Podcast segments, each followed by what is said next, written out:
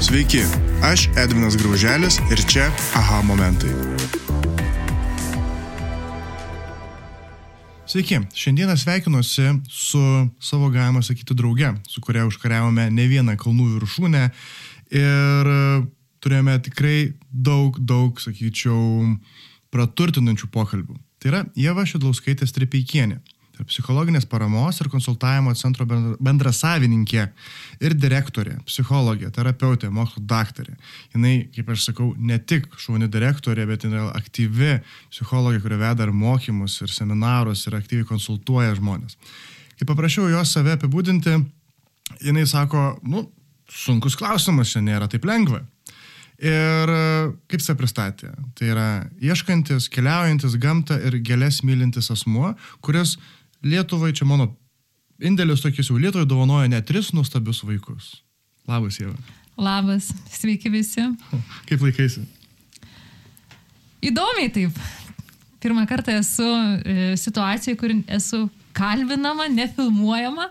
Aha. Ir nu, šitas e, geltonas mikrofonas įdomiai žiūrisi. Ok, smagu, smagu girdėti, kad tau tai yra nauja patirtis, nes iš tiesų, aš kaip žinau, tai psichologinis paramos ir konsultavimo centro yra daug metų ir jūs jau daug, daug, daug ką veikite. Ne? Ir netgi aš kai tave bandžiau prisikalbinti čia ir su tavo vyru šnekėjau, sako, nu, tėvai čia įzy, sako bus. Taip, iš tikrųjų veiklų įvairiausių. Galima mhm. pasakyti, kad vienos veiklos tiesiogiai siejasi su, kaip mes vadinam, sutrumpintai PPKC Tai manau, mes... paramos konsultavimo centras. Tai manau, prieš o, ties to ir pasiliksime. PPKC trumpiau, ja, ja, ja. trumpiau tai pavadint. Kitos veiklos tiesiog yra susijęs su manim kaip su žmogumi. Ir nu, vienas iš tokių, tai mokymų vedimas arba kalbėjimas žmonėms, nu turbūt viena pagrindinių veiklų. Mhm. O ką kalbė žmonėms? Vat ir galvoju. Iš tikrųjų, gal labai daug apie save.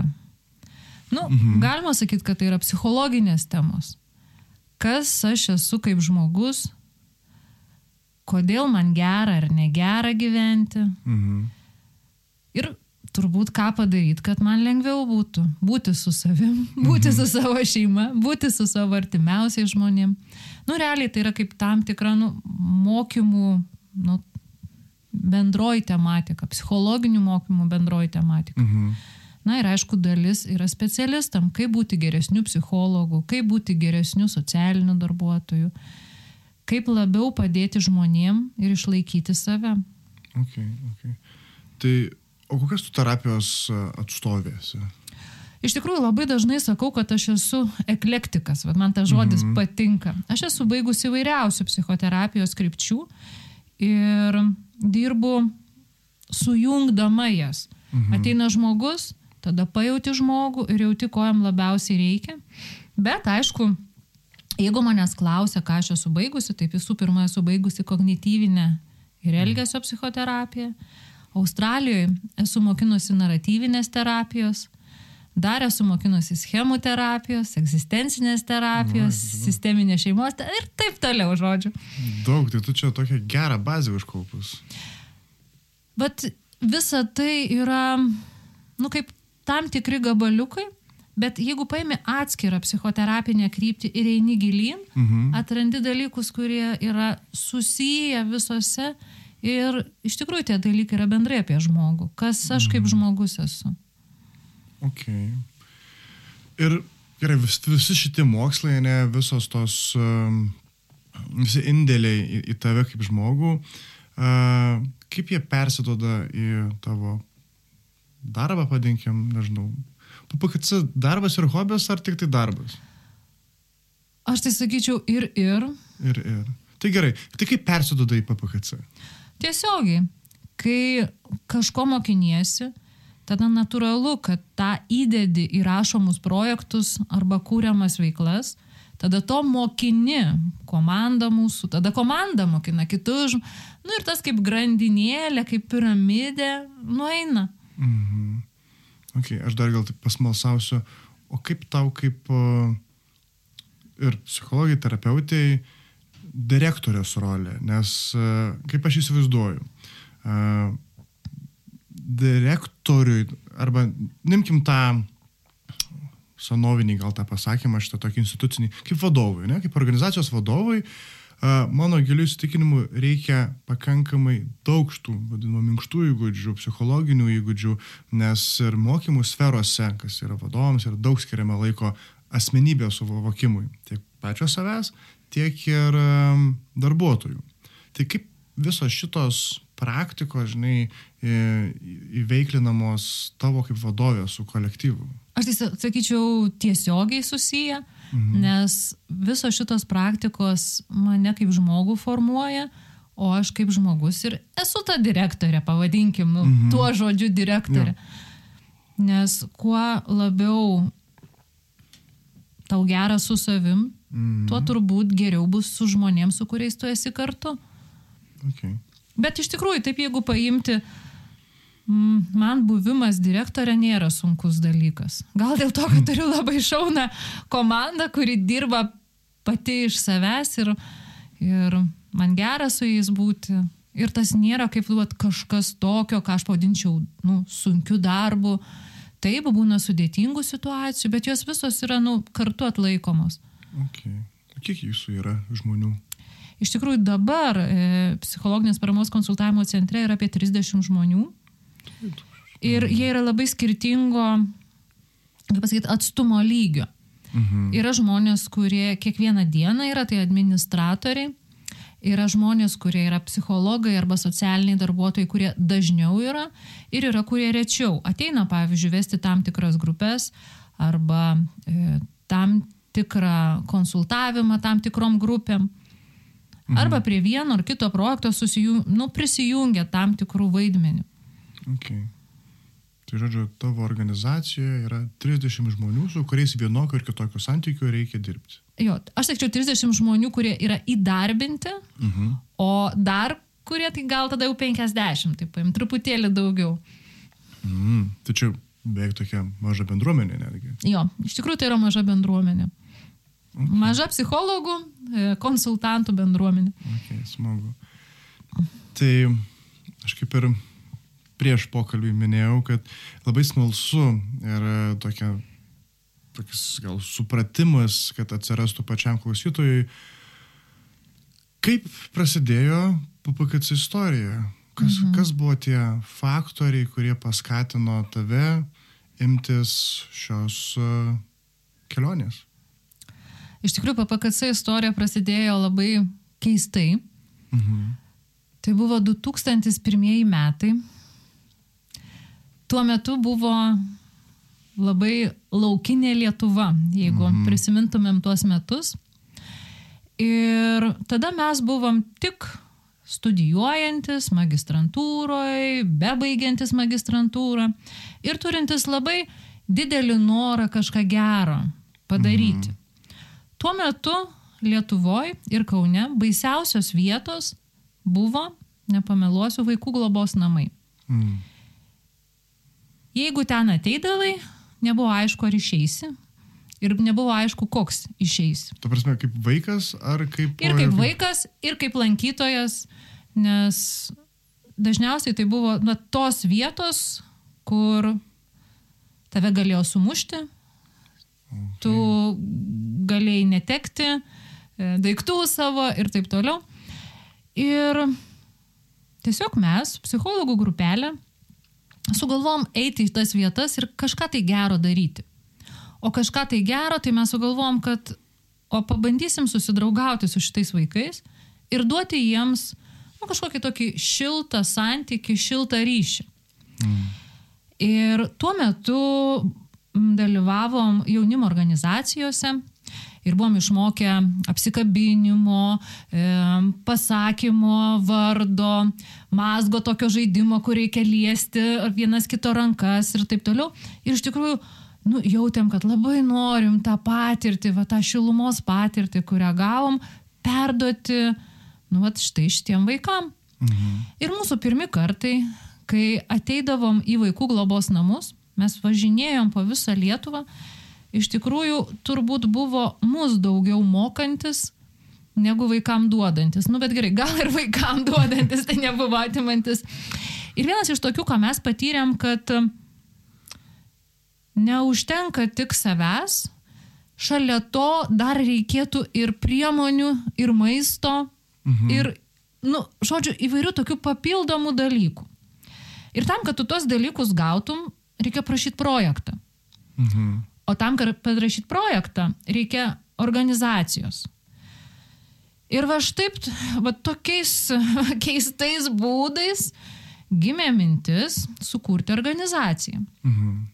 Ir jos pirminė idėja buvo tiesiog, vat, nu, toks kaip e, studentų, jaunuolių, e, gero padarimas vat, kažkam. Įsteigėm organizaciją, tuo metu sugalvom štai tą ilgą pavadinimą - psichologinės paramos, konsultavimo centras. Dabar Bet jeigu steigsiu... Profesionalus labai toks. Tikrai mažai, trumpesnį kurčiau, nu žodžiu, bet... Ir, ir tada taip parašėm projektus, tai buvo mūsų pirmieji projektai. Ir jų dėka galėjom apsimokėti kūrą, galėjom nuvažiuoti, galėjom kanceliarinių nusipirkti. Ir, nu, vat, tai buvo pati pradžia. Mhm. Tai pats pirmasis čia iš tų europinių projektų, ar čia Lietuvoje vietinis buvo projektas? Nes, nu, Edai, du, du pirmi metai tai buvo. Edai, nebuvo europinių projektų. Ai, 2001 metais. Tik, tai va, va. Tai nu, buvo tai... tik tai vasaros stovyklos. Tuo metu iš vis nebuvo projektų ir tuo metu Lietuva, kiek tau buvo metų tada? Du pirmais man buvo dešimt metų. Tai va, gali įsivaizduoti, kaip tada atrodė, kaip tada Lietuva atrodė. Ir iš tikrųjų, kaip tada atrodė vaikų globos namai, nes dabar tai yra pasikeitę didžiulis pokytis. Tuo metu tai buvo, nu, tokios pavadinkim, didelės įstaigos po šimtą vaikų, kurie gyveno visi vienoje vietoje ir turėjo mm. tik keletą prižiūrinčiųjų. Ir iš tikrųjų, turbūt būti vaiku tose įstaigose buvo panaši trauma, kaip ir gyventi pas tėvus, iš kurių jie būdavo paimami. Ja, aš atsimenu, kaip vadindavo Alitoje tą vietą - bukinas. Nu va, ir visi stengdavosi ten nebūti, neiti taip, taip, taip, taip. ir vengti. O mes sugalvojom ten ateiti. Tokia... Ir aš tai sakyčiau, kad ta pirmoji patirtis ir visos kitos patirtis, gal vad kol daugiausiai išmokau, kad jeigu yra labai labai sunki patirtis, ir tu būni su ją, bandai, bandai suvokti ją. Ir tuo metu atrodo, nu, Dieve mano, kaip tai yra sunku. Tai yra be galo auginanti patirtis. Kiekvieną kartą, kai būdavo sunkumai ir dideli sunkumai, jie daug išmokindavo, daug augindavo ir realiai turbūt vis, visi tie taškai arba, va, kaip tu klausai manęs, aha, momentai, jie ir buvo tada, kai buvo kažkas sunkaus tu ėjai per tą sunkumą, bandėjai išbūti, bandėjai būti geriausia, nu, duoti mm. geriausia, ką gali. Ir realiai taip ir formavosi, taip ir rinkosi ta patirtis. Okay. Gal galėtum pasidalinti kokiu bent vienu tokiu, kur atveju, kuris tikrai yra užstrigęs dar, žinai, tavo galvoje, kad, okei, okay, čia, žinai, kad va, to įvyko kažkas ir tada buvo labai aišku, žinai, kad turi tai tęstis tu, tu turi mintį. E, tose pirmose patirtyse. Tose pirmose patirtyse. Jo. Nu gerai, vieną galiu papasakoti atvejį. Tuo metu Kaune buvo pati baisiausia įstaiga. E, vyresni gali dar žinoti, tai vadinama buvo Lazūnų gatvės berniukų socializacijos centru. Jau gražiai skamba. Taip, jeigu taip įsivaizduoja, tai ten patekdavo berniukai, su kuriais nesusitvarkydavo dažniausiai globėjai, nu ir tėvai. Iš, iš esmės paaugliai, ne? Jo, paaugliai, kurie jau turi elgesio problemų. Jie ten būdavo užrakinami, tai ta prasme buvo ribojama jų, jų laisvė. Toks mažas kalėjimas, ne? Jo, ir galima įsivaizduoti, kaip jie iš ten pabėgdavo, tada dar labiau nusikalsdavo. Ir realiai didžioji dalis tų berniukų paskui patekdavo į Kauno e, nepilnamečių tardymo izolatorių koloniją ir jų kelias iš tikrųjų ke keliavo į, į kalėjimų sistemą. Ir gal vienas irgi iš tokių patirčių, kažkuriais tais metais skambina man direktorius tuometinis šitos įstaigos ir sako, jie va turim dešimt berniukų, su kuriais visiškai nesusitvarkom, nu jie daužo viską. jūs čia taip norite eiti į vaikų globos namus, ateikit pas mus, vat, vat, pabendrausit su tais berniukais ir vat, ten. Mhm. Ir jūs vis dar Padarys. studentai esate, ne čia? Gal tada aš jau ir buvau baigusi magistrantūrą, bet... Dar šviežia, šviežia, realiai. Labai švi- Dar šviežumas. labai toksai. naivi, tokia. Labai viskas, naivi jo. ir labai nori. Ir aš sakau, gerai, be abejo. Ir kaip dabar prisimenu, kai aš atvažiuoju į tą, tą pastatą ir ten viskas išdaužyta, visos durys užrakintos, mane pasitinka ir lydi kitos berniukų grupės ir kokios aštuonios arba devynios durys užrakintos, jas atrakina, įleidžia mane, užrakina ir man toks jausmas, kur aš patenku, aš nebeišeisiu iš čia. Nu, žodžiu, ir turėjau unikalią patirtį dirbti, konsultuoti šitos vaikus. Aš manau, kad dabar jie yra jau suaugę vyrai. Labai įdomu, koks jų dabartinis likimas ir kurie dabar yra. Gal kažkas iš jų ir nėra kalėjiminiai sistemai. Realiai tai buvo tie paaugliai, kur, kurie turėjo tiek daug skaudžių patirčių ir taip nenorėjo prie jų liestis, kad visą save parodydavo tik per agresiją. Mhm. Ir jeigu su keliais iš jų išėjo iki jų skausmo ateiti, tai va mano viena pirmųjų patirčių, ką aš išmokau, kad piktas žmogus nėra piktas žmogus. Piktas žmogus yra tas, kuris savo viduje labai daug skausmo turi ir tiesiog stengiasi su juo per pyktį išbūti. Mhm. Nes su skausmu būtų labai sudėtinga, o kai tu užsidedi pykčių lengviau. Nu, žodžiu, tai aš išėjau iš tos įstaigos mm -hmm. ir išėjau su patirtim. Aš labai labai tikiuosi, kad kažką ir tiem vaikam daviau. Čia buvo vienos, vienas seminaras tokius, ar, Ne, ar tai čia buvo buvo- nuosekliai vyko? Aš apie 15 kartų važiavau tenais ir turėjau Mhm. susitikimus, pokalbius su šitais uh, uh, vaikinais, turbūt taip galima pasakyti. Ok, 15 kartų. Kaip, tiesiog pasmalsausiu, kaip keitėsi jų, jų galbūt požiūris ir santykis į tave, žinai, per tą laiką? Labai įvairiai. Dalis jų iš viso neįsileido, sakė, man nereikia psichologo, jūs darykit, ką norit, man zin. O Dar tuo metu dar stigma buvo, ta ne, psichologas buvo toks kaip, nu, aš ne psichas, ne kažkoks. Nu tai ir dabar tokios yra, Bet jau mažiau, dabar jo. daug mažiau, iš tikrųjų dabar, daug mažiau. jo. Taip, tuo metu psichologas buvo sulyginamas su psichiatru ir, nu žodžiu, Mm. jeigu jau reikia psichologo arba, psi, nu, tai aš esu visiškai tada jau kažkoks toks, e, nu, neadekvatus ir taip, tuo metu, jeigu prisimintumėm 2001-2005 metus, e, žmonės nenorėdavo sakyti, kad lankosi pas psichologą, žmonės nenorėdavo lankytis arba eidavo tik jau kraštutiniais atvejais. Tai aišku, kad visi šitie vaikai jie nenorėjo eiti, bet su dalim išėjo ryšį suformuoti. Ir realiai tai buvo mm, paliečiantis, gilus ryšys. Kai ateini iki žmogaus skausmo ir pamatai, ką tam vaikui reikėjo išgyventi, dėl ko jis yra štai čia, vat pajunti jo sielą arba jo vidų. Mm. Ir tas yra be galo daug. Tikrai įdomu būtų pažiūrėti, kas, kas toliau. Nu, man iš tikrųjų labai įdomu, kur šitie vaikai yra. Okay. Tu gan, gan suprantu didė patirtis. Okay. Tai tuo metu jau buvo PPKC kaip įkurtas, ne? Jo, tuo metu buvo PPKC įkurtas. Aišku, jeigu dabar taip iš dabartinių akių žiūrint, nu va, tai mes tokius jaunatviškus projektėlius darėm, bandėm suvokti, kas aš, bandėm patirti. Nu ir aišku, bandėm atrasti va tą vietą, toj pavadinkim laukiniai Lietuvoje, kas tuo metu ir buvo. Mhm. O tai PPKC tavo ir kolegų buvo kaip pagrindinė darbovietė, ar tiesiog buvo toks side business, žinai, nu, side veiklos? Šiaip iš tikrųjų mano tai visą laiką buvo pagrindinė darbovietė nuo, nuo, nuo, nuo šito įsteigimo. Šalia, e, aišku, aš turėjau ir kitas darbovietės, kaip dėstytoja dirbau, kaip e, psichologas ekspertas dirbau, bet mano tai buvo pagrindinė darbovietė. O kiti, kitiems žmonėms būdavo momentais pagrindinė darbovietė, momentais šalutinė, nu va taip abanguojančiai. Ok, ok. Tai gerai, du pirmieji kūrėt, kada, prad... nu, kas, kas toliau vyko? Iš tikrųjų, e, po biškelį tada atsirado vis rimtesnių projektų, Mhm. kurie, žinot, kaip yra projektas, tai yra didelis mąstymas, ką ir kaip tu gali padaryti gero. Mhm. Ir tu turi sugalvoti mintį, tu turi sugalvoti priemonės, e, veiklas, kaip tą mintį įgyvendinti ir turi įvertinti. Tai vad kaip tam tikras keliavimas. Mhm. Ir kiekvienas šitas, įsivaizduokit, nu, tu nuolat turi galvoti. Tu negali užmygti ir sakyti, viskas, aš tik konsultacijas teikiu ir čia vat, mano, e, man tiek užtenka. Tu nuolat suburi komandą, e, sujungi žmonės, paruoši žmonės, tada kažką darai, kažką įvertini, tada knygas leidi, tada kažkokią metodiką paimi, tada adaptuoji Lietuvai.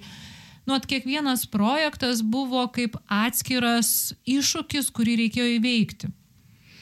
Aišku, šalia to dar ir ėjo visas Lietuvos kontekstas. Mhm. Ir kadangi aš nesu paprastas psichologas, aš esu psichologas ekspertas. Nu, man... Ką reiškia būti psichologo ekspertu? Tai va, bet dabar noriu tą, tą pasakyti. Taip jau mano gyvenime atsitiko, kad man nuolat atitikdavo bylos arba situacijos, kurios buvo unikalios ir kurių, nu, tiesiog kiti psichologai ne tai, kad nesimdavo, bet net ir neduodavo jiems jų. Tu sakai, sakai bylos, tai mes jau čia kalbam apie teismus, ne teisinius procesus. Pavyzdžiui, rezonansinės Lietuvos bylos, kurios um, yra apjungę vis, visą Lietuvą ir, pavyzdžiui, mes mm. gyvendavom tam tikrus metus, nužudomas vaikas, išprievartaujamas vaikas, šeima, ten kažkas atsitikė ir taip toliau taip jau teko, kad aš būdavau tose bylose kaip psichologė, nes mes e, kaip centras bendradarbiavom su įvaikinimo tarnyba mhm. ir įvaikinimo tarnyba turbūt ieškojo tokių, nežinau kaip dar pasakyti, drąsių arba durnų žmonių, kurie eitų į va tokias situacijas ir imtų tokias bylas spręsti. Tai čia irgi ir pliusai, ir minusai. Minusai tai, kad tuo metu, kai esi galvoji, nu, nieks nepasako, kaip daryti, ką daryti, kur tavo ribos, ką tu gali, ką tu negali. O pliusai tai, kad kiekvieną kartą su tokia rezonansinė byla tu augi ir mokiniesi kaip, kaip žmogus. Mhm. Okay. Labai įdomu, kažkaip šitos dalies niekada nepastebėjau. Tai PPKC vis dar aktyviai dalyvauja tokiuose veiklose, ar labiau tu kaip asmuo? Aš kaip asmuo, bet kaip PPKC nu, Atstovė. atstovas. Nu, gerai, gal ir galiu įvardinti, nežinau, kiek žinai tai visą kėdžių bylą. E, Šitoj dalyvavai? Aš buvau mergaitės psichologė. O oh my god, nežinau šito. Taip. Wow. Tai va, tai ta patirtis. Bet čia kur... belia kiek streso? Nu, belia kiek streso, net ne belia kiek streso, dar tuo metu laukiausi. Wow. Tai Čia ir, trečio vaiko tuo metu, ne? Jo, ir tuo metu tai buvo, jeigu taip 2010-2011. Nu, vat, prasidėjo 2008, nes tęsėsi tikrai ilgą laiko tarpą. Ir va, visos tos rezonansinės bylos, visos tos, nu jos daug mokina. Išeini iš savo kaip psichologo arba psichoterapeuto vaidmens, pavyzdžiui, mokiniesi rašyti teisinės pažymas, nes tavęs nuolat prašo jų ir, mhm. ir tada mhm. galvoji, kiek gali rašyti, ko negali rašyti, kur ta riba, konsultuojasi su teisininkais ir taip toliau. Wow, tai čia. Mane aš... priblaškė, aš kažkaip ne, nebuvau matęs šitos pusės, žinai, šitos, su, padinkim, socialinio verslo pusės, kadangi čia apie verslą kalbu vis tiek, žinai, jo. apie tą naudą visą, kurią teikia. Tai čia tik tai viena, jeigu taip įsivaizduotum, nu pavyzdžiui, ten vaikas nužudomas tėvų, Ir, Taip. nu, vat, jeigu prisimintum, yra buvę tokiu yra. atveju. Ir dabar net yra keletas Taip. variantų, kur kalbama. Mama nusižudžiusi su ten... Mhm. Žinau, apie ką kalbame. Vaikučiu. Ja. Ir taip toliau. Tai vat, kai yra rezonansinės bylos ir jos yra ir teisinės, ir sudėtingos, ir įtraukia daug labai žmonių, nu, ta prasme, ir tai yra žmonių net grupės, nu, taip jau teko, kad tada dažniausiai aš tame būnu. O, o koks tavo vaidmuo būna? Labai įvairus. E, vienas iš tokių labai dažnai būnu e, psichologas e, tų, kurie yra daugiausiai nukentėję. Mhm. Ir tas būti psichologu arba psichoterapeutu, tai sakau, tai yra vienas vaidmuo, bet padėti tiem žmonėm išgyventi visus po to einančius teisinius dalykus, Mhm. jau yra dar kitas laukas, ko man tikrai reikėjo mokintis. Okay. Tai gerai, tai, tai grįžkime tada prie PPKC, nes aš čia klausinėčiau, klausinėčiau, čia, čia wow, tu man atveri tokią skrinę, aš kažkaip, sakau, tikrai nebuvau, nebuvau matęs. Tai gerai. Du Jo. pirmi, du treti, du ketvirti, ne Europos Sąjunga, tas. Lietuvos kontekstas, ne augantis, tu kaip po pilnai, pilnai dirbanti savo, savo socialiniam Taip. versle. Ka- Kas pasikeitė, kai mes įstojom į Europos Sąjungą, žinai, kaip, kaip tai... Lietuvoje atsirado daug, e, nu kaip sakyti, daug daugiau galimybių daryti projektus, Mhm. daug daugiau e, fondų, kurie finansuoja ir tai davė galimybę varijuoti įvairias veiklas e, įtraukti, galvoti, kurti. Nu, pavyzdžiui, vienas iš tokių, ką mes e, centre galvojom, įvairūs projektai susiję su žmonių, ypač vyrų, psichikos veikata, savižudybių lygių. Mhm. Kaip tą mažinti, kaip prieiti, kaip kurti. Ir tada dar atsirado kitas laukas, vadinami, tarptautiniai arba tarp europiniai projektai, kur buvo galimybė važiuoti, matyti, kaip kitos organizacijos dirba, atsivežti patirtį. Kaip Erasmusas, ne tokias, bet kitaip. Nu, kažkas labai labai panašaus ir mes esame išleidę įvairių knygų, e, metodikų ad- adaptavę. Ir tokiu būdu mes nuo tos organizacijos, kuri tik paslaugas teikia, per va tą patirtį, per sunkę patirtį, Mhm. po biškelį augom ir tapom tokiu kaip metodiniu centru arba organizacija, kuri ne tik tai paslaugą, teikia įtin kokybiškas paslaugas arba kuri gali e, Lietuvos lygių mokymus renkti, Lietuvos lygių psichologus apmokyti, e, tyrimus daryti ir taip toliau. Aišku, tai dar siejasi su tuo, kad va, tais 2010 metais aš daktaro disertaciją apgyniau ir mhm. tai buvo apie Lietuvos žmonių psichikos veikatą ir apie jos gerinimo galimybės. Nu, va, ir viskas tada pynėsi, nu, kaip tokios bendros pynės. Um, žmonės augo, aš pati augau ir organizacija augo. Jo žinomumas didėjo, projektai didėjo.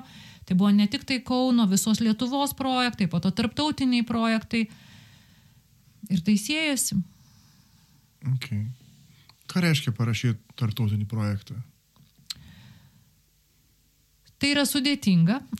ir visų pirma yra sudėtinga. Mm. Gal bendrai nu, apie tai, kas yra projektas. Mhm.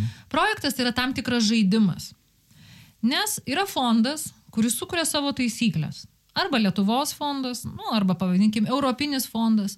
Ir tu ateini, pasižiūri, kokios yra taisyklės, nu, vat, ką jie yra aprašę. Ir tada žiūri, ar tu atitinki ir ar tau tai tinka. Mhm. Ir jeigu tau tai tinka, tada tu sėdi ir kuri idėją, kuri minti, kuri būtų visuomeniai skirta, kuri turėtų gerą efektą ir tą mintį tada turi sudėti į paraišką. Mhm. Aprašymas, veiklos, rezultatai, rezultatų įvertinimas, biudžetas ir taip toliau. Ką labai daug gyvenime sudariusi, tai esu dariusi ir rašiusi va štai tokių paraiškų. Mhm. Parašai paraišką, laiku, čia labai labai svarbu, laiku taip, taip. turi nusiųsti ją ir tada lauki įvertinimo. Čia yra labai svarbu um, priimti bet kokį vertinimą, nes aš esu buvusi ir vertintojų komisijose ir kartais, kaip matau, kokios, kokie yra vertinimai, tai, nu, žodžiu, labai labai neprimti asmeniškai, jeigu nelaimi projekto, Jo. tai nereiškia, kad blogai kažką, o gal ir blogai kažką, bet tai gali būti tiesiog vat, tam tikri ekspertai ir tam tikros nuomonės. Ir nu, parašai e, paraišką ir tada gauni įvertinimą ir tai reiškia arba laimi, arba nelaimi. Ir jeigu laimi, tada gauni e, avansą ir įgyvendini projektą. Niekada nėra taip, kad gauni pinigus, realiai avansas tai reiškia, kad gauni galimybę gauti pinigus už veiklas, kurias vykdysi, jeigu jos atitiks projekto reikalavimam. Tai reiškia, kad tai bus nuolatinis šokis ir derinimasis, ir pyktis, ir džiaugsmas su tais, kurie yra fonde ir kurie vertina, ar tai tinkamos veiklos, netinkamos veiklos ir taip toliau. Mhm. Ugdantis procesas. Be galo, be galo ugdantis procesas. Turbūt labiausiai, ką esu gyvenime pykus, tai skambinus ir, ir, ir pykus ant biurokratų. Nu, aš labai labai suprantu biurokratus, kai jiems reikia sukurti taisyklės ir įdėti realybę į tam tikras taisyklės, bet kai tu esi kitoje pusėje ir matai tam tikrų biurokratų sukurtų taisyklių, nu tiesiog nelogiškumą. Ir taip turbūt būtų sažininga tiesiog priimti jas ir nesiginčyti, bet kartais kraujas užverda ir tada pradedi ginčytis. O per visus tus 23 metus, ne? Jo, beveik 23 metai PPKC jau. A, tai kiek kartų esi užvirus? Nu, yra buvę, yra buvę. Dabar taip gal nesuskaičiuosiu, bet kartais nusukurtos biurokratų taisyklės arba, nu, prižiūrinčiųjų žmonių taisyklės prasilenkia su žmogiškumu arba su įmanomumu įgyvendinti projektus. Tai va tada taip jau, kaip sako, pasiekia tą taurę viršų ir tada skambinu ir tiesiog pykstu, arba tada važiuoju vietą ir sakau, nu, vat, iš tikrųjų, kas yra įdomu, kai va, taip pat važiuoju ir sakai, nu, sėdam ir žiūrim. Labai dažnai tada atsiranda visokių išimčių, supratingumo ir taip toliau. Tai ar aš gerai suprantu, nežinau, ar tinkamas bus žodis, į kurį įdėsiu, tai moko abipusio lankstumo, kiek yra teisės aktuose leidžiama, ne? Taip, tai kad lankstumas tai be abejo, bet čia yra toks iki tam tikros ribos, kur tu jauti, kad tada, nu, nu tiesiog to nebepadarysi. Arba tas, nu, nebeįmanoma. Mhm. Nu, vienas iš tokių pavyzdžių, pavyzdžiui, Jo. sako, grupėse turi būti 10 žmonių. Jo. Turi būti dešimt. Turi būti 10 žmonių. Mhm. Ir įsivaizduokit, ką tai reiškia. Savoka turi būti 10 žmonių. Jeigu ateina 9, grupė neužskaitoma. Jeigu ateina 12, turi aiškintis, kodėl žmonių yra daugiau. Ir tada tu, tu sakai, kad taip, mes galim kviesti 10 žmonių, bet yra nenuspėjama, kiek žmonių ateis. Ir kartais va tokie paprasti dalykai žmonėm, kurie tiesiog sėdi kabinetuose ir tikrina va, pliusus, minusus, yra labai sunkiai suprantami. Mhm. Na, suprantu šitą. Ir, pavyzdžiui, kad ateitų į grupę 10 žmonių, pavyzdžiui, tu turi 15 pakviesti. Bet tai reiškia, kad gali ir 11 ateiti. Taip. Arba Ateis visi. blogas, arba niekas neteis, nes Arba- vat, laikas blogas, e, gruodžio mėnuo, visi serga, ateis du. Mhm. O ataskaitą reikia duoti už kiekvieną susitikimą, ne? Taip, o ataskaitą reikia duoti už kiekvieną susitikimą ir jeigu atėjo tik du, tada tu turi, tau iš esmės ne, neskaičiuoja. Tada sėdi, pavyzdžiui, psichologas, kuris veda štai šitą grupę ir atėjo per mažai žmonių. Nesvarbu, kad tu kvietei daugiau, nesvarbu, kad tie žmonės ten parašė, kad bus ir taip toliau, bet netėjo. Ir tada realiai tu tam psichologui turėtum nemokėti atlyginimo, nes fondui tai netinka. Mm. Ir kaip. Ir sukdavaisi taip, kad jau Nu skambinė važiuoji kalbėsi. ne? Ir tada važiuojam ir kalbam ir sakom, gerai, tada ką jūs pasiūlytumėt, nes tai yra nenuspėjamumo faktorius. Ir iš tikrųjų iš pradžių e, sėdėdavo ir sakydavo, o tai jeigu pakviečia, tai ir turi ateiti. Nu, va yra žmonės, kurie, e, kai Ne. nėra praktikai ir jiems labai labai sudėtinga suvokti va tą praktinę dalį, nu, bet kartais tikrai su, sudė... ir tada tas vat kalbėjimas su įvairiais fondais, su jų atstovais gali būti tikrai sudėtingas.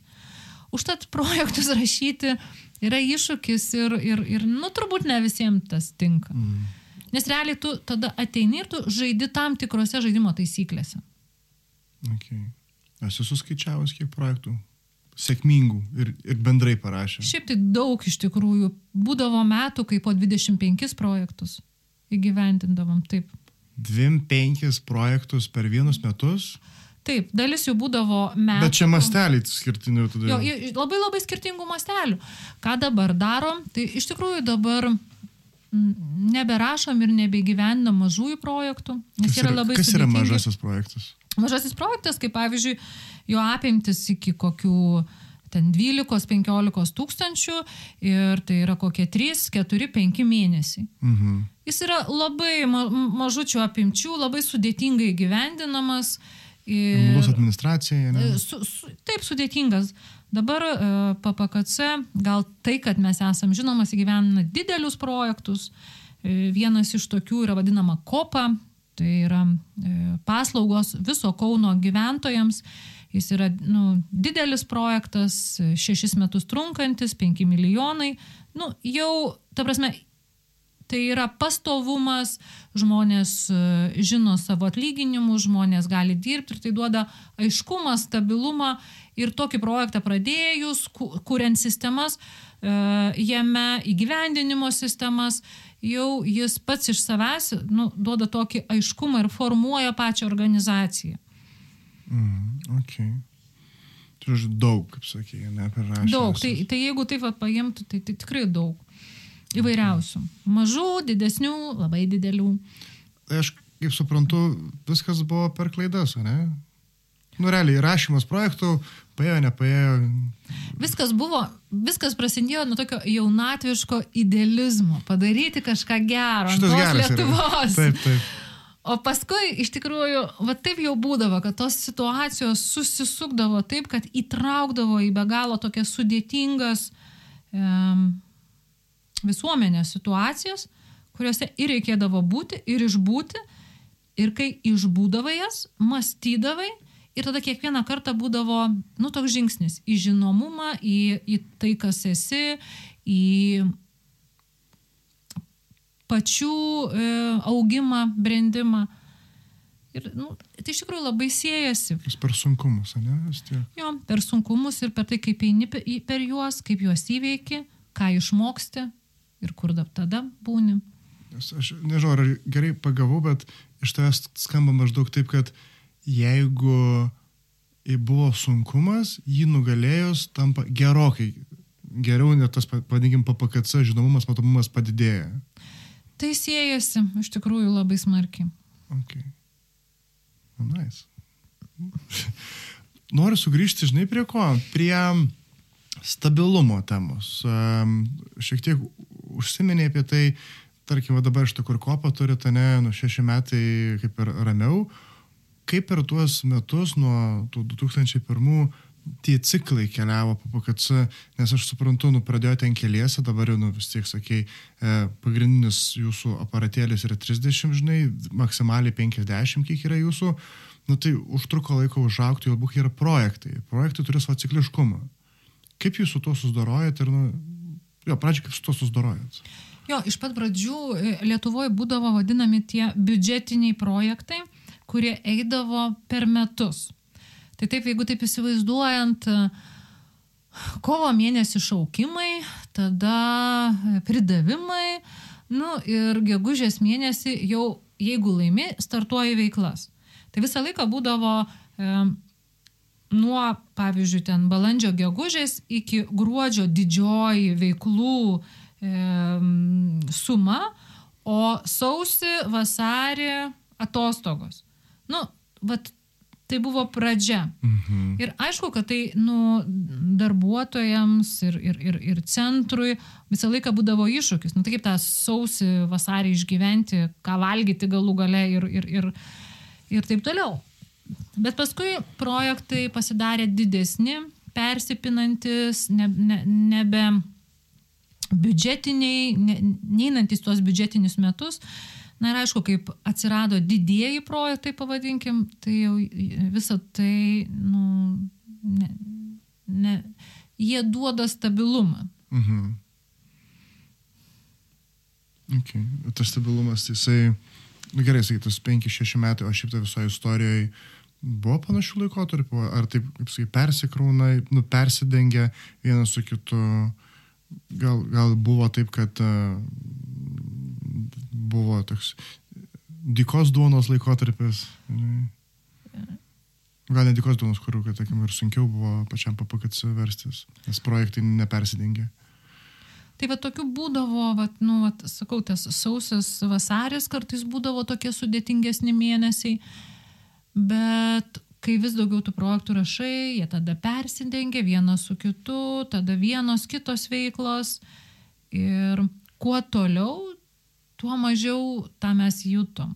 Mhm. Iš tikrųjų, paskutinius dešimt metų gal jau to nebejaučiu. Jūs stabilus. Jo, jau, jau yra kaip, kaip, kaip stabilumas. Okay. O kaip su darbuotojų pačia, pačiu išlaikymu? Nes, tarkim, prieš tuos dešimt metų net daugiau tų uh, sviravimų, dabar sakė jo žinai, stabiliau, nes aš suprantu vis tiek yra administruojanti pusė, yra pusė, kuri teikia paslaugas, nes gal dar kažkas yra ta- tame tarpe, žinai, kaip, kaip jų, kaip tau su jų motivacija, žinai, kas padeda juos išlaikyti, turėti, puoselėti ir taip toliau. Nu, iš tikrųjų, turbūt va, ta darbuotojų komanda, tai nu, kažkas, kuo be galo džiaugiamės, labai daug žmonių nuo tų pradinių ir liko kartu arba netoli mūsų. Mm. Kas dabar yra centro e, bazė arba komanda, tai tie e, psichologai arba tie žmonės, e, su kuriais būta 10, 15, 20 metų. Okay. Visą laiką, aišku, dar vienas iš mano kovos laukų, kur aš mhm. kartais skambinu ir aiškinuosi ir bandau, e, man atrodo yra labai labai svarbu adekvatus įkainis. Mhm. Nes e, geras psichoterapeutas, jis rinkoje teikdamas paslaugas gali gauti daug didesnį įkainį negu projekte, Mhm. kur įkainiai ateina jau nustatyti, jau iš ministerijos. Ir labai dažnai tas nustatymas būna toks, kad e, paima mokyklos psichologą, padalina jo valandas ir štai čia jums ir yra konsultacijos valand, nu, įkaini, valandos įkainis, kas iš tikrųjų yra visiškai neadekvatu ir tikrai netitinka e, mokykloje būnantis psichologas, kuris stovi per pertrauką ir žiūri, ar vaik, kad vaikai nelakstytų, tai yra visiškai kitas darbo pobūdis negu psichoterapeutas dirbantis su žmogum tet a tet. Ir va štai šitoj vietoj nepagailiu savo laiko važiuoti į Vilnių, į ministerijas, aiškintis, kovoti ir sakyti, jeigu jūs norite kokybiškų konsultacijų, jeigu norite išlaikyti tikrus psichoterapeutus ir, ir tikrą gilę pagalbą, tai didinkit įkainius, mokėkime adekvačiai žmonėm. Mm. Kas dabar yra adekvatu pagal ministerijos atstovus? Čia labai, labai priklauso. Nes rinkos kaina, žinau, rinkos kaina dabar, nu, taip sakant, jaunesnis kažkoks duoda 40 eurų už valandą, šiaip vidurkis 50, o jau ten jau tie jau visi jau patyrė, netgi ir 7 ar net daugiau eurų už valandą. ima. Nu va, ir įsivaizduoju, kad, pavyzdžiui, jeigu gauni projektą, kuriame yra 15 eurų už valandą e, Tai psichologui. nėra kam dirbti. Ir tada važiuoji ir klausi, tai ką jūs siūlote, ka- kaip tą padaryti. E, Jeigu įmanoma rasti psichologo, aš neįsivaizduoju, ar įmanoma skuodė, gal ir įmanoma, už, bet ir taip, man labai labai sudėtinga būtų įsivaizduoti. Ir va tada visą laiką yra toks vadinamas derinimas. Yra projektas, yra bendras biudžetas, yra tada paskirtas įkainis ir tada tu bandai žiūrėti ir bandai derinti. Nu, bent jau dabartiniam projekte, tai jie sako, yra tada grupės, nuimkite nuo grupių, paskirkite tiem psichologam daugiau ir taip toliau. Ir vėl nuolatinis išgyvenamumas. Tu paėmi ir žiūri, kaip išgyventi, kaip išlaikyti va štai šitus psichologus, psichoterapeutus. Iš tikrųjų, mūsų komanda yra labai patyrusi komanda. Centre dirba daug e, psichoterapeutų, kurie turi ilg, ilgą patirtį. Ir mes jie mokam daug daugiau negu 15 eurų už valandą. Nu, aš tikiu, norėčiau tikėti, žinai, nes, nu, blema, nu tikrai 15 eurų, vujei, čia, čia yra... Edai, čia dar yra su mokesčiais. tai va.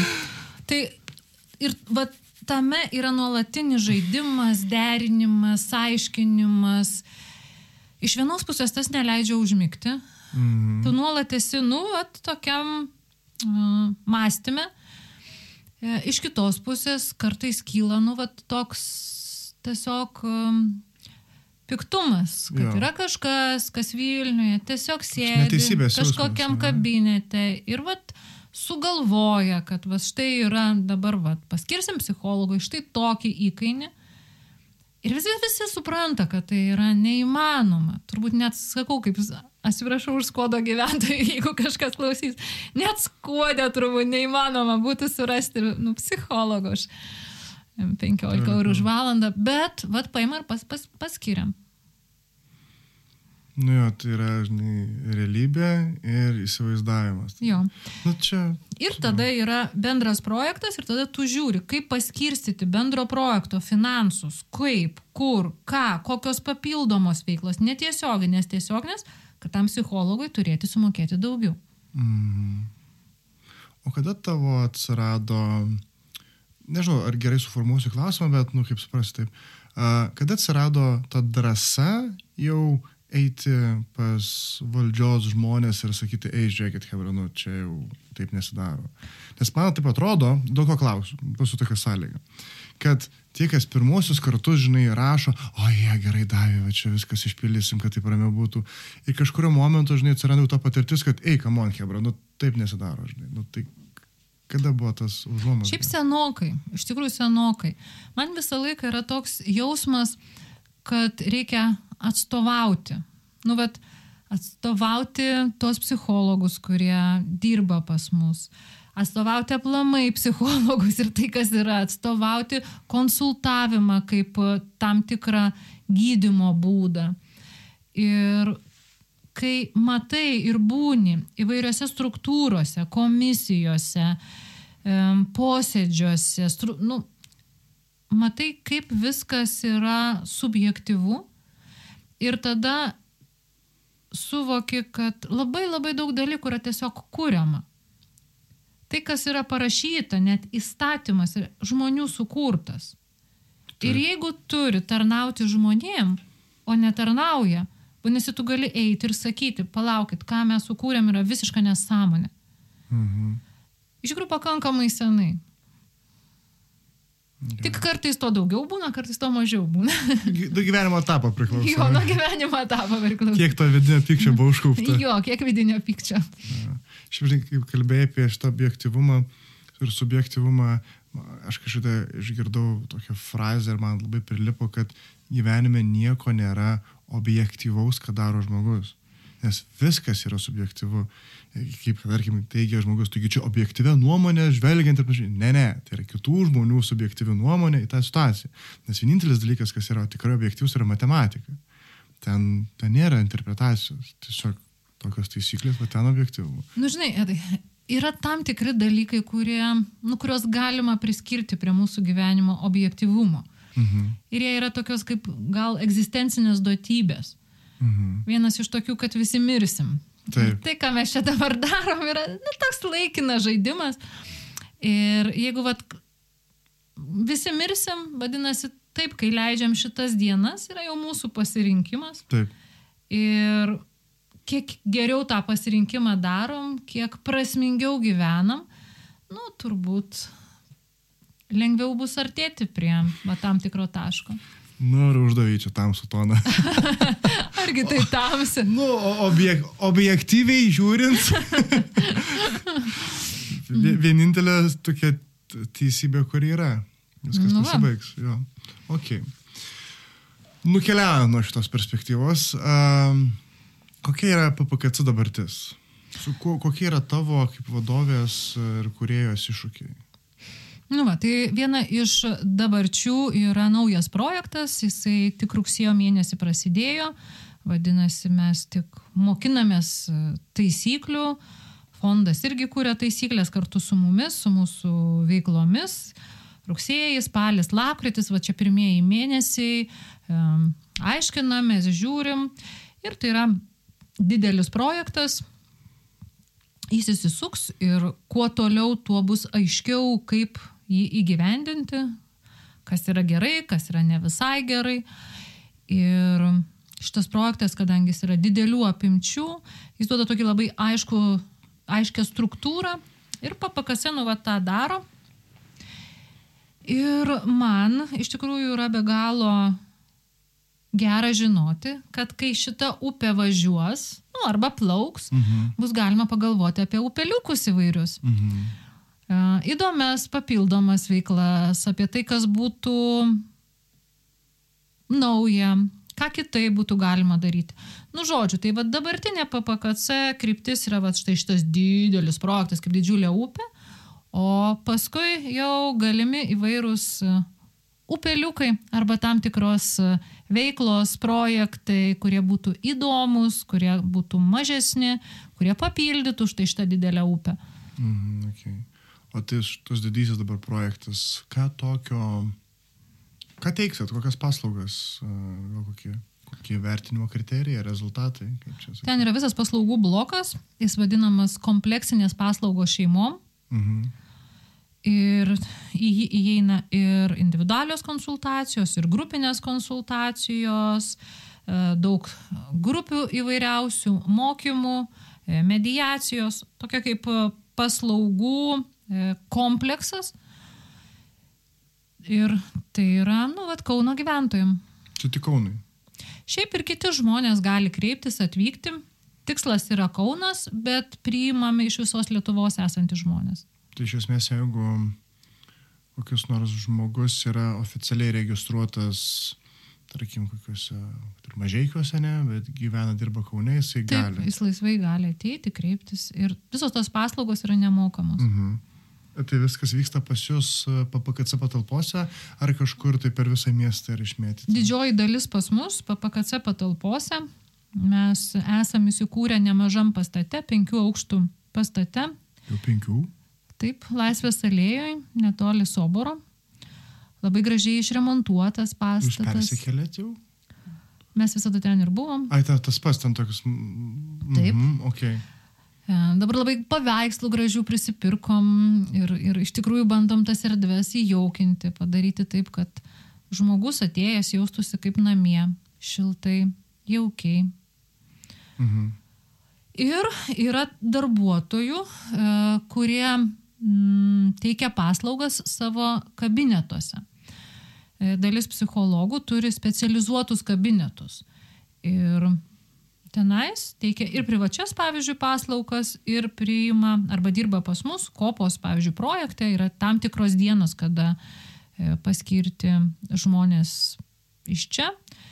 Tai didžioji dalis veiklų yra pas mus, mhm. o dalis veiklų yra ir truputėlį kitur. Okay iš esmės centralizuota, bet jeigu asmuo dirba projektai, jisai gali tą projekto veiklą vykdyti ir... Pavyzdžiui, kit... savo patalpose. Savo patalpose. Nes yra, pavyzdžiui, vaikų psichologai, kurie turi labai specifinius kabinetus su šviesom, su žaidimais, su žaislais. Okay. Žodžiu, labai platus projektas apimantis bendrą psichologinę gerovę Kauno gyventojų. Taip, taip. Ir čia gali būti ir vienas žmogus ateiti, ir pora, ir šeima. Uh, ir į mokymus gali ateiti. Taip. Kiek truko laiko parašyti, sugalvoti tokį? Kadangi jisai buvo kaip testinumas, mes panašų projektą įgyvendinom šešis metus prieš tai. Mm. Ir iš tikrųjų truputėlį kitoks buvo. Buvo labai labai didelis e, susidomėjimas žmonių. Mes galvom, kad per tuos šešis metus, kai rašėm šitą nu, projektą, tai jis vadinasi BŠN, o dabar kopa. Nu, jis labai panašus, tik mhm. pavadinimas kitoks, e, kad pusantro tūkstančio žmonių ateis, o dabar kaip suskaičiavom, tai buvo apie 8 tūkstančių žmonių, kurie gavo paslaugas. Ai, čia daug kartų rodikliai viršinti. Taip, daug kartų rodikliai viršinti. Ir tada mes paėmėm šito projekto veiklas, kurios buvo labai labai populiarios ir labai labai žmonėms reikėjo, kaip pagrindą ir nu, tiesiog jas pildėm, truputėlį adaptavom. Tai nebuvo visai naujas rašymas. Ok, supratau. Nu įdomu, įdomu. O tai dar PPKC, dabar, orientu, žodžiu, dabar PPKC orientuotas tik tais į, į Kauną, grubiai sakant, ar vis dėlto yra dar ir polėkio kažkokio, žinai, plėsti veiklas, ar... Nu, čia toks, žinai, lūkestis į ateitį. Nu, va, tai taip įsivaizduok, va, šitas projektas dabar yra kaip toks pagrindinis. Ta, upė, kaip sakė. Jo, kaip upė. O kokiu ten bus upelių, upyčių aplinkui, nu tai va, žiūrėsim. Mhm. Mes visą laiką turim tam tikrus projektus, kurie būna vadinami e,